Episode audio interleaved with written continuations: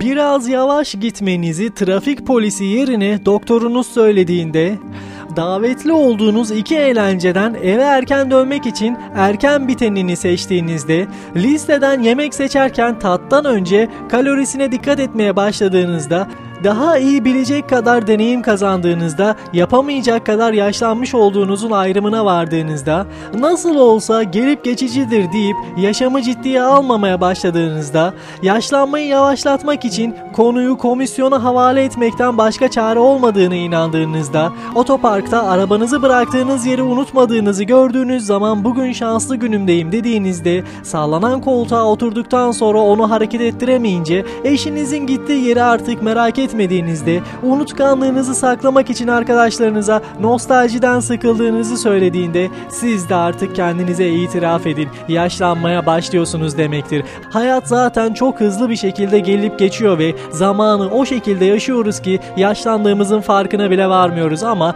hayatı yaşarken de etrafımızda karşılaşmış olduğumuz olaylara vermiş olduğumuz tepkiler bizim yaşımızı başımıza almış olduğumuzu gösteriyor. Ve bir de yaşımız ilerlemiş olmasına rağmen bir şeyi terk etmiyoruz. Ne mi o? Dinleyin bakalım.